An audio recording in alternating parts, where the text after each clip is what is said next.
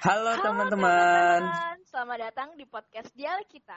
Oh iya, apa kabar semuanya? Semoga baik-baik aja ya.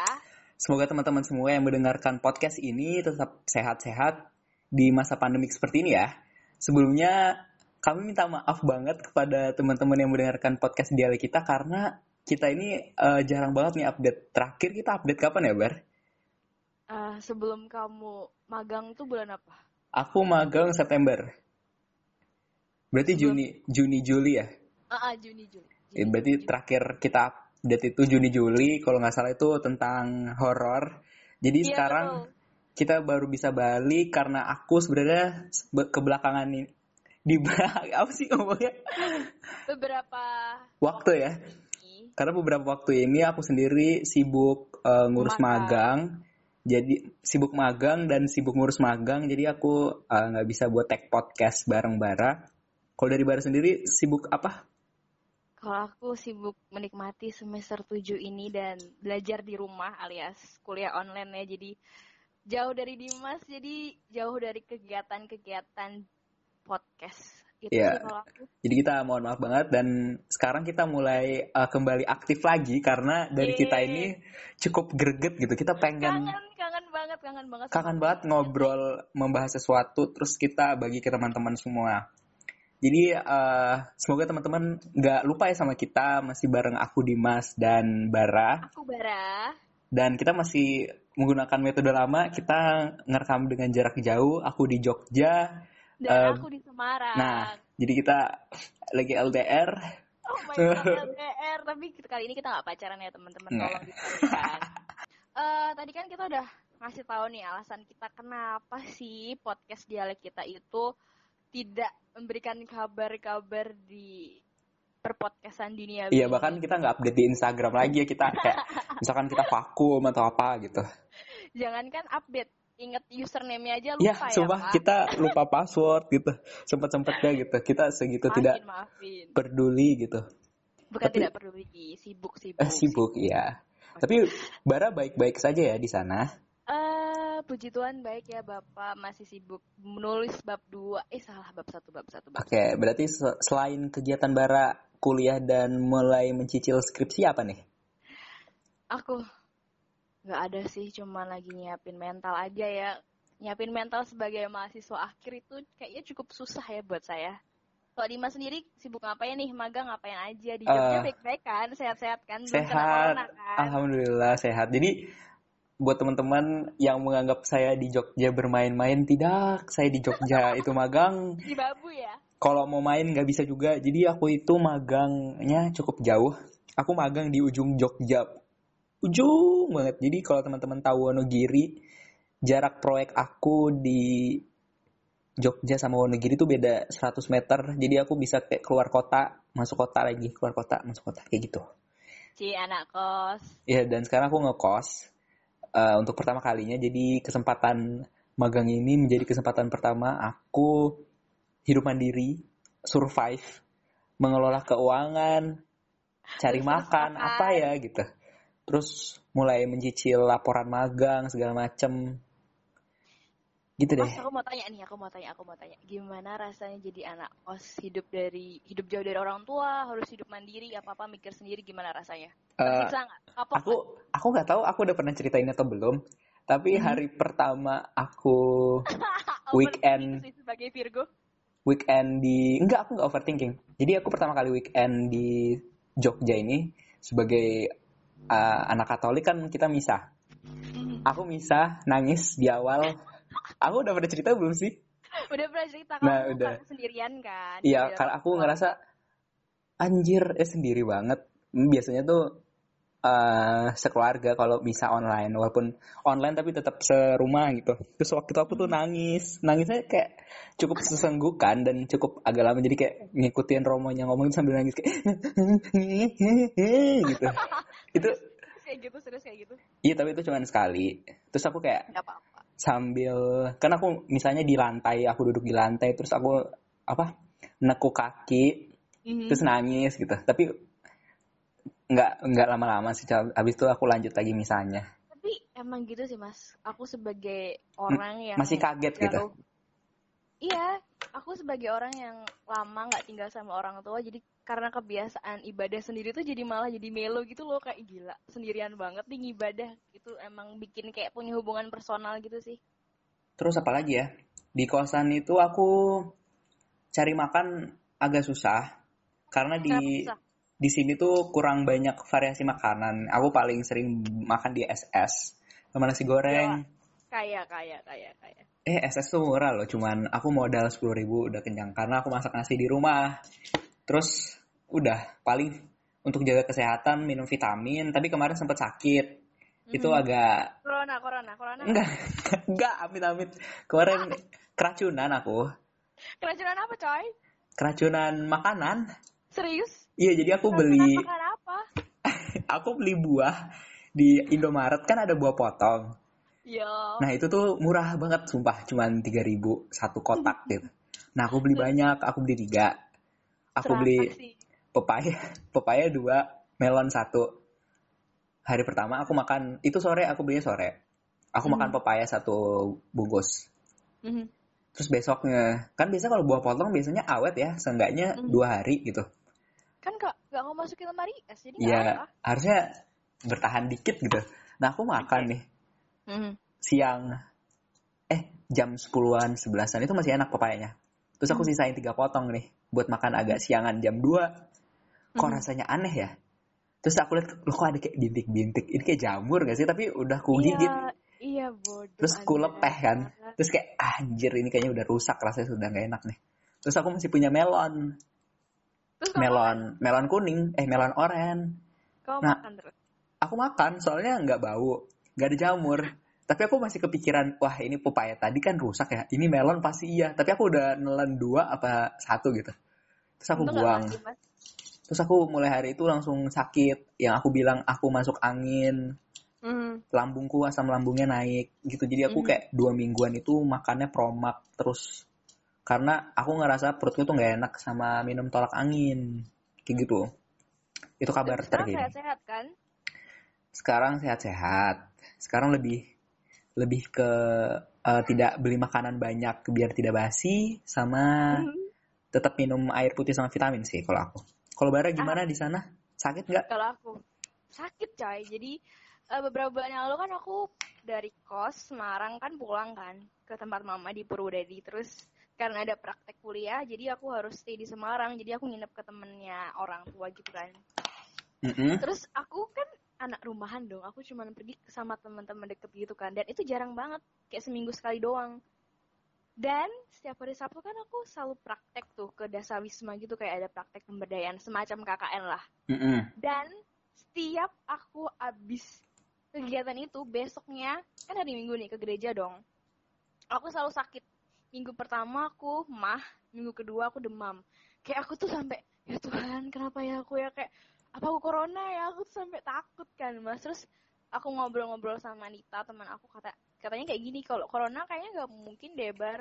Masa sehari setelah kegiatan langsung corona? Biasanya kan ada inkubasi inkubasi gitu kan terusnya nah itu terus aku rutin lah minum air anget nggak tahu sekarang aku jadi dikit-dikit minum air anget air anget air anget gitu sih. Terakhir aku sakit diare gara-gara minum kopi.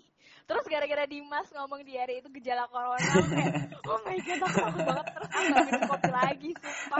Terus aku cerita ke orang-orang rumah apa aku corona ya gara-gara diare ya? Aku bilang kayak gitu tapi kayak aku positif terus gara-gara itu gara-gara diare jadi aku setiap aku pergi pokoknya aku mandi bodo amat jam berapa pokoknya aku mandi Emang aku harus mandi walaupun gitu, emang harus gitu sih. gitu sih sampai aku beli hand sanitizer kayak gila sih aku jadi besok ya aku harus sadar sih karena kayak oke aku sehat tapi maksudnya saling jaga orang-orang di rumah kan Iya, Gitu. apalagi kan kamu di rumah orang, jadi harus sehat, harus harus sehat imunnya harus kuat. Tapi kamu nggak pernah nggak pernah Apa? kepikiran ini? Kamu Apa? setiap kegiatan dari luar itu yang kayak pengabdian itu ketempelan gitu? enggak karena aku kalau di luar itu patuh gitu loh enggak jarang banget buka masker kalau enggak makan gitu Enggak, ketempelan makhluk-makhluk gitu. makhluk apa nih makhluk virus atau makhluk makhluk halus Makhluk ha- halus. ya enggak lah gila aja Aku anak alim Oke, emang aman ya. sorry nih aman. Oke, aman, aman, aman. Aman, Terus? aman. Berarti selama ini uh, Bara harus bisa jaga. Eh, kok selama ini? Oke, cut nanti. Berarti nanti Bara harus jaga kesehatan lagi ya. Kita semua harus jaga Iya kesehatan sih sebenarnya. harus harus karena kayak semakin ke sini tuh kayak aku malah semakin jaga diri sih daripada awal-awal pandemi. Iya sebenarnya semakin ke sini kita semakin kayak mikir gini gak sih? Kalau aku ya, aku mikir gini kayak ini orang-orang sebenarnya takut, uh, bodoh amat, atau emang ada yang mikir corona ini masih bagian dari konspirasi karena ada nih orang-orang yang mikir corona ini konspirasi, jadi corona itu nggak ada. Jadi makanya Hmm. mereka bebas gitu, mau ngapain aja di luar tanpa ngikutin Mhm. protokol dari Mhm. pemerintah gitu. Menurut Bara gimana? aku aku sih kayak nggak peduli sama konspirasi ya tapi lebih ngelihat ke korban-korbannya aja. Karena aku punya orang-orang terdekat yang bahkan sampai meninggal karena covid gitu loh. Jadi kayak hmm kalau kalian masih berpikir ini konspirasi silahkan. Tapi kayaknya nggak baik gak sih mikir yang aneh-aneh negatif. Padahal di depan mata ada orang yang nyatanya meninggal dan mereka panik mereka dalam kondisi yang nggak baik-baik aja. Gitu sih. Nah, dan apa ya konspirasi itu membuat malah sebagai ajang politik kayak aku cukup nggak ngikutin sih tapi ada ya yang aku juga nggak ngikutin sih. aku nggak ngikutin karena aku males karena nggak penting banget gitu loh di saat-saat kayak gini ada konspirasi. Ya Tuhan tolong banyak banget yang meninggal banyak yang susah gitu loh. Dan bisa-bisanya masih masukin orang ke penjara gitu kayak ah, Tuhan tolong. Itu sih kalau aku. Karena kamu tau jering nggak? Siapa? jering jering jering. Jering, jering who? Eh, musisi dari Bali yang Heeh. sempat sempat ngomongin ini konspirasi itu loh Hmm, kayaknya pernah Iya. baca sekilas. yang sama dokter Tirta sama dokter Tirta itu loh Oh, kayaknya pernah baca sekilas tapi nggak nyimak. aha itu itu di penjara coy tiga tahun katanya jadi Ka- tersangka atau enggak Karena apa? Dia ngapain? kayaknya gara-gara bermasalah dengan ikatan dokter Indonesia gitu deh Oh, oke. gara-gara ngomongin ini konspirasi-konspirasi gitu Hmm, itu sih ya udahlah mungkin jatuhnya dia udah Pokoknya- penyebar hoax mungkin ya. Ah, ah, mungkin ya M- kayak selama membawa rusuh di bangsa ini kayaknya apa pun dia benar ataupun salah selama itu membawa kerusuhan untuk pemerintah kayaknya akan tetap dicecar sih kalau aku menurutku gitu ya Mm-mm. Terus Lanjut. kalau yang aku lihat lagi nih di kondisi masyarakat sekarang. Uh, mulai banyak yang memulihkan kembali keadaan ekonomi gitu. Udah banyak promo Contohnya, sana contohnya, sini. contohnya. Jadi kayak misalkan makanan udah banyak yang promo buat dine in lagi, udah nggak yang take away.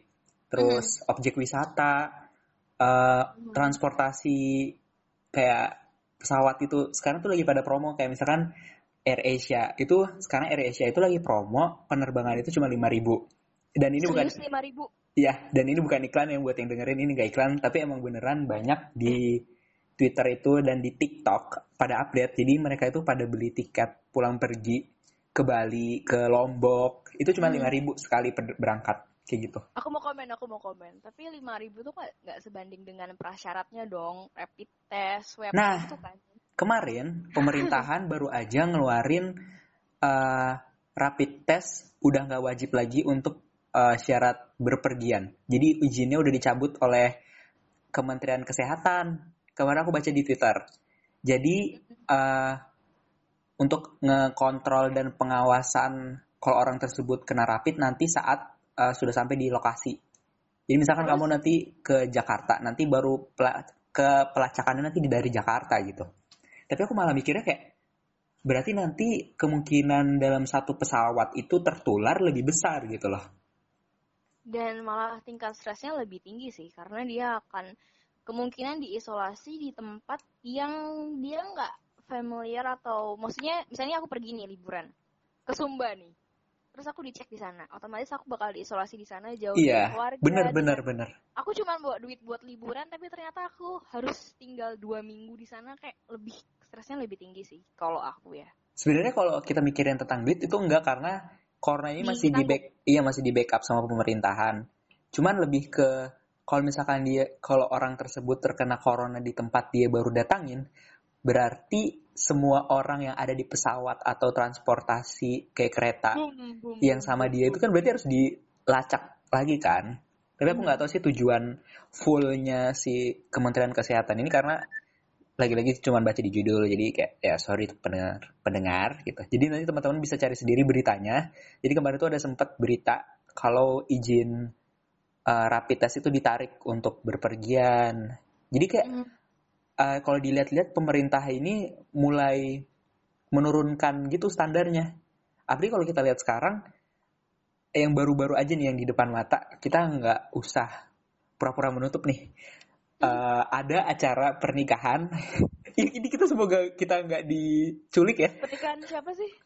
Pernikahan anaknya, maaf nih, bapak. Uh, kita ini manggilnya gimana sih, Ustadz? Habib Rizik, ulama, oke okay, ulama. Hab, ah, aduh aku nggak tahu gimana cara penyebutannya. Maaf banget teman-teman yang Muslim, yang anaknya itu menikah dan hmm. mengundang sepuluh ribu dan itu pasti lebih. Tapi hmm. karena dia kan anak nabi. Oke, oke. Okay, Dan dia punya anak yang bakal menikah dan kemarin aja kepulangan si bapak, ah bapak lagi, kepulangan si Ustadz Rizik ini. Ulama coy. Oh iya ulama. Ya? Aduh aku nggak tahu maaf banget sumpah. Tolong jangan teror aku kalau aku salah. Aku minta maaf banget. Jadi kemarin minta maaf banget. Saat kepulangannya Rizik aja yang ngejemput banyak, banyak banget orang-orang dan itu kalau misalkan kita ngomongin soal protokol kesehatan mereka hmm. aja nggak berjarak minimal satu meter. Itu bener-bener berdempetan. Ada yang pakai masker ada yang nggak pakai masker. Bahkan fasilitas di uh, Soekarno itu airportnya rusak gitu. Mas aku mau ngomong. Saking padat ya. Hadir ya. Jadi uh, jadi pas aku di kampung nan jauh di Mato jadi misalnya ada orang mau nikah itu aja harus lapor gitu loh ke kepolisian terdekat dan kalaupun dia mau ngadain hajatan dia tuh harus bayar keamanan gitu loh. Nah iya. Uh, apakah itu mm, yang rame-rame itu mengeluarkan cukup uang banyak untuk membayar polisi Wah, kamu... izin? Nah jadi. maybe maybe maybe. Nah mungkin kamu nggak tahu jadi aku ceritain. Jadi si uh, anak si Habib ini yang menikah. Oh kita jadi julid sih? Ini nggak julid, kita memberikan info terbaru. Mungkin di pendengar kita ada yang nggak tahu kayak kamu. Jadi Habib Rizik ini, makasih, makasih. kan dia emang mengundang 10 ribu, ya mungkin lebih. Jadi si Habib ini udah memfasilitasi adanya polisi, tenda, dan ada ambulans. Terus Habib ini juga uh, dapat bantuan dari BNSP atau BSNP ya? I don't know pokoknya kayak badan kayak bantuan gitu di Jakarta ya Jabodetabek lah itu pemberian masker gratis dan hand sanitizer bagi yang datang mm-hmm. nah terus uh, Habib ini udah dapat surat dari kementerian soal pelanggaran uh, mm-hmm. yang tentang protokol kesehatan ini dan didenda 50 juta rupiah. Nggak sebanding masih ada duit aku percaya sih. Nah ini udah banyak banget dicecer sama, sama netizen netizen di Twitter sebenarnya. Kayak mm -hmm. dari pihak kementerian atau pemerintahan sama pihak si FPI maaf banget teman-teman FPI kita maaf, nyebut banget maaf. Sumpah aku minta maaf banget.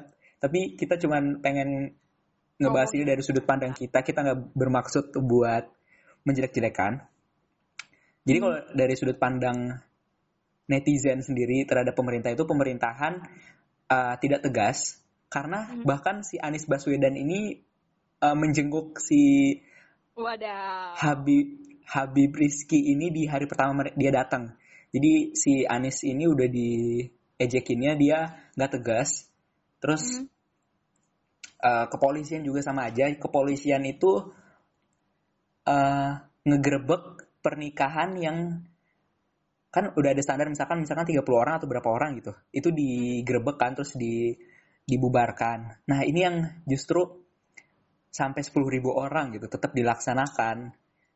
Ya duit kan mas. Kan bayar keamanan. Duitnya banyak ya. Nah makin iya. banyak lah volumenya. Gimana sih ya? nah kayak gitu. Jadi maksudnya dari si FPI ataupun si Rizik ini yang sebagai ketua itu dia sedikit mengesampingkan protokol. Nah kemarin juga aku lihat video di Twitter, aku nggak tahu ini anggota FP, FPI atau bukan, dia tuh ngomong kayak gini, dia tuh nyindir pemerintah. Kalau pemerintah, pemerintah aja bisa ngadain pemilihan, ya udah kita ngadain uh, apa ya reuni, nggak. Jadi mereka tuh mau ada reuni 212 kalau nggak salah atau pemeringatan Maulid Nabi.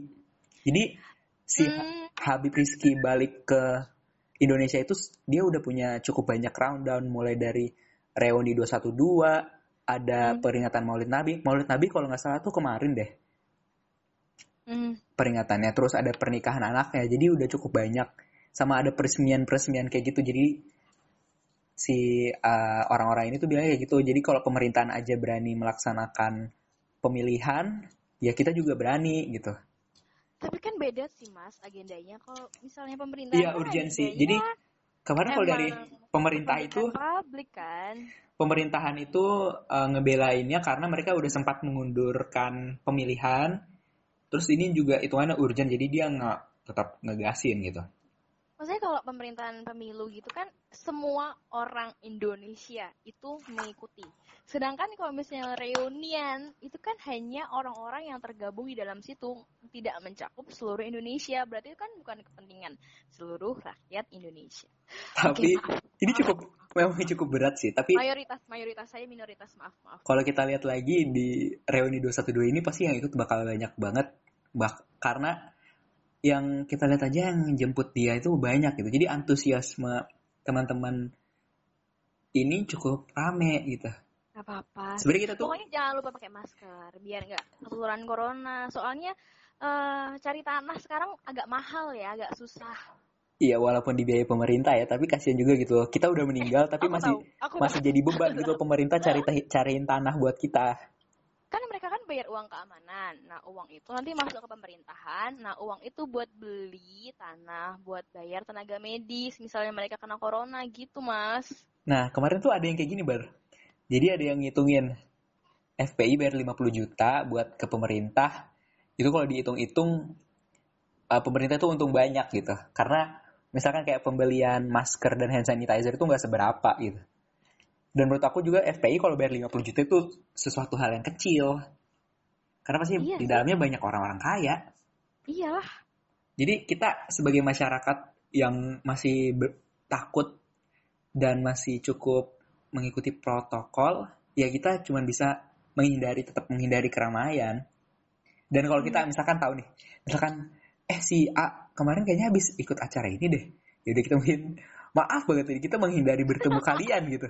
Karena kita nggak mau ketemu orang-orang yang beresiko, kita masih sayang nyawa gitu.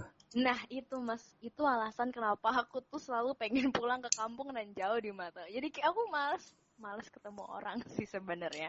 Dan aku introvert juga kan, jadi kayak mendingan aku di desa tinggal di kamar daripada aku ketemu orang-orang dan berisiko terkena virus-virus gitu. Iya, sebenarnya kayak kalau kita menghormati teman-teman yang masih lebih percaya kepada Tuhannya karena untuk melindungi kalian dari penyakit, tapi kita juga harus bisa realistis gitu. Kalau keadaan di sekitar ini sedang tidak baik-baik saja ya. Ini sakit sih, ini emang sakit. Jadi Agak yakin ini sakit. episode comebacknya kita cukup Agak berat. bikin takut gitu. Aku takut apa-apa.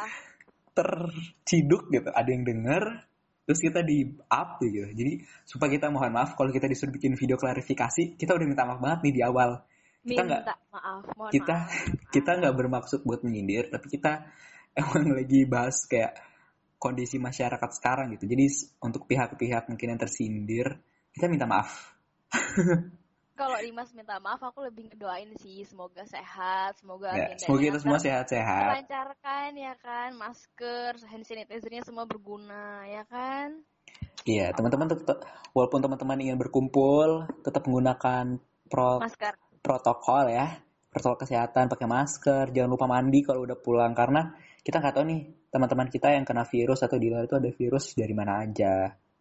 Gitu. itu mager loh mas, kadang-kadang loh mas suruh mandi. Ya sebenarnya mager. Jangan kan mandi, cuci tangan aja gara-gara mager. Ah, kalau aku cuci tangan pasti wajib. Aku kalau pulang cuci tangan. Cuman kalau mandi emang agak jeda gitu kayak 20 sampai 30 menit karena aku capek gitu kan pulang kerja. Jadi leyeh-leyeh bentar terus mandi. Gitu. Kalau aku rajinan mandi daripada cuci tangan sih. Aku cuci tangan wajib dari mana pun. Oke teman-teman, mengingat durasi, jadi buat teman-teman jangan lupa ya buat follow Instagram podcast Bara dan Dimas di @dialek.kita dan jangan lupa buat teman-teman yang kepo sama aku, follow aku juga di Instagram tabik.bara. Kalau Dimas? Jadi buat teman-teman jangan lupa uh, cek nih Instagram aku di @dimasbaskara A-nya tiga yang belakangnya. Terus buat teman-teman semua yang mau cerita-cerita bahas apa pun itu, bisa kirim cerita ke Instagram kita dialek kita atau di email dialek.kita25@gmail.com dengan subjek judul cerita teman-teman. Terus untuk teman-teman semua tetap jaga jarak, Cuci tangan, pakai masker, dan jangan lupa buat nyebarin energi-energi positif. Sampai jumpa di episode selanjutnya. Bye. Bye.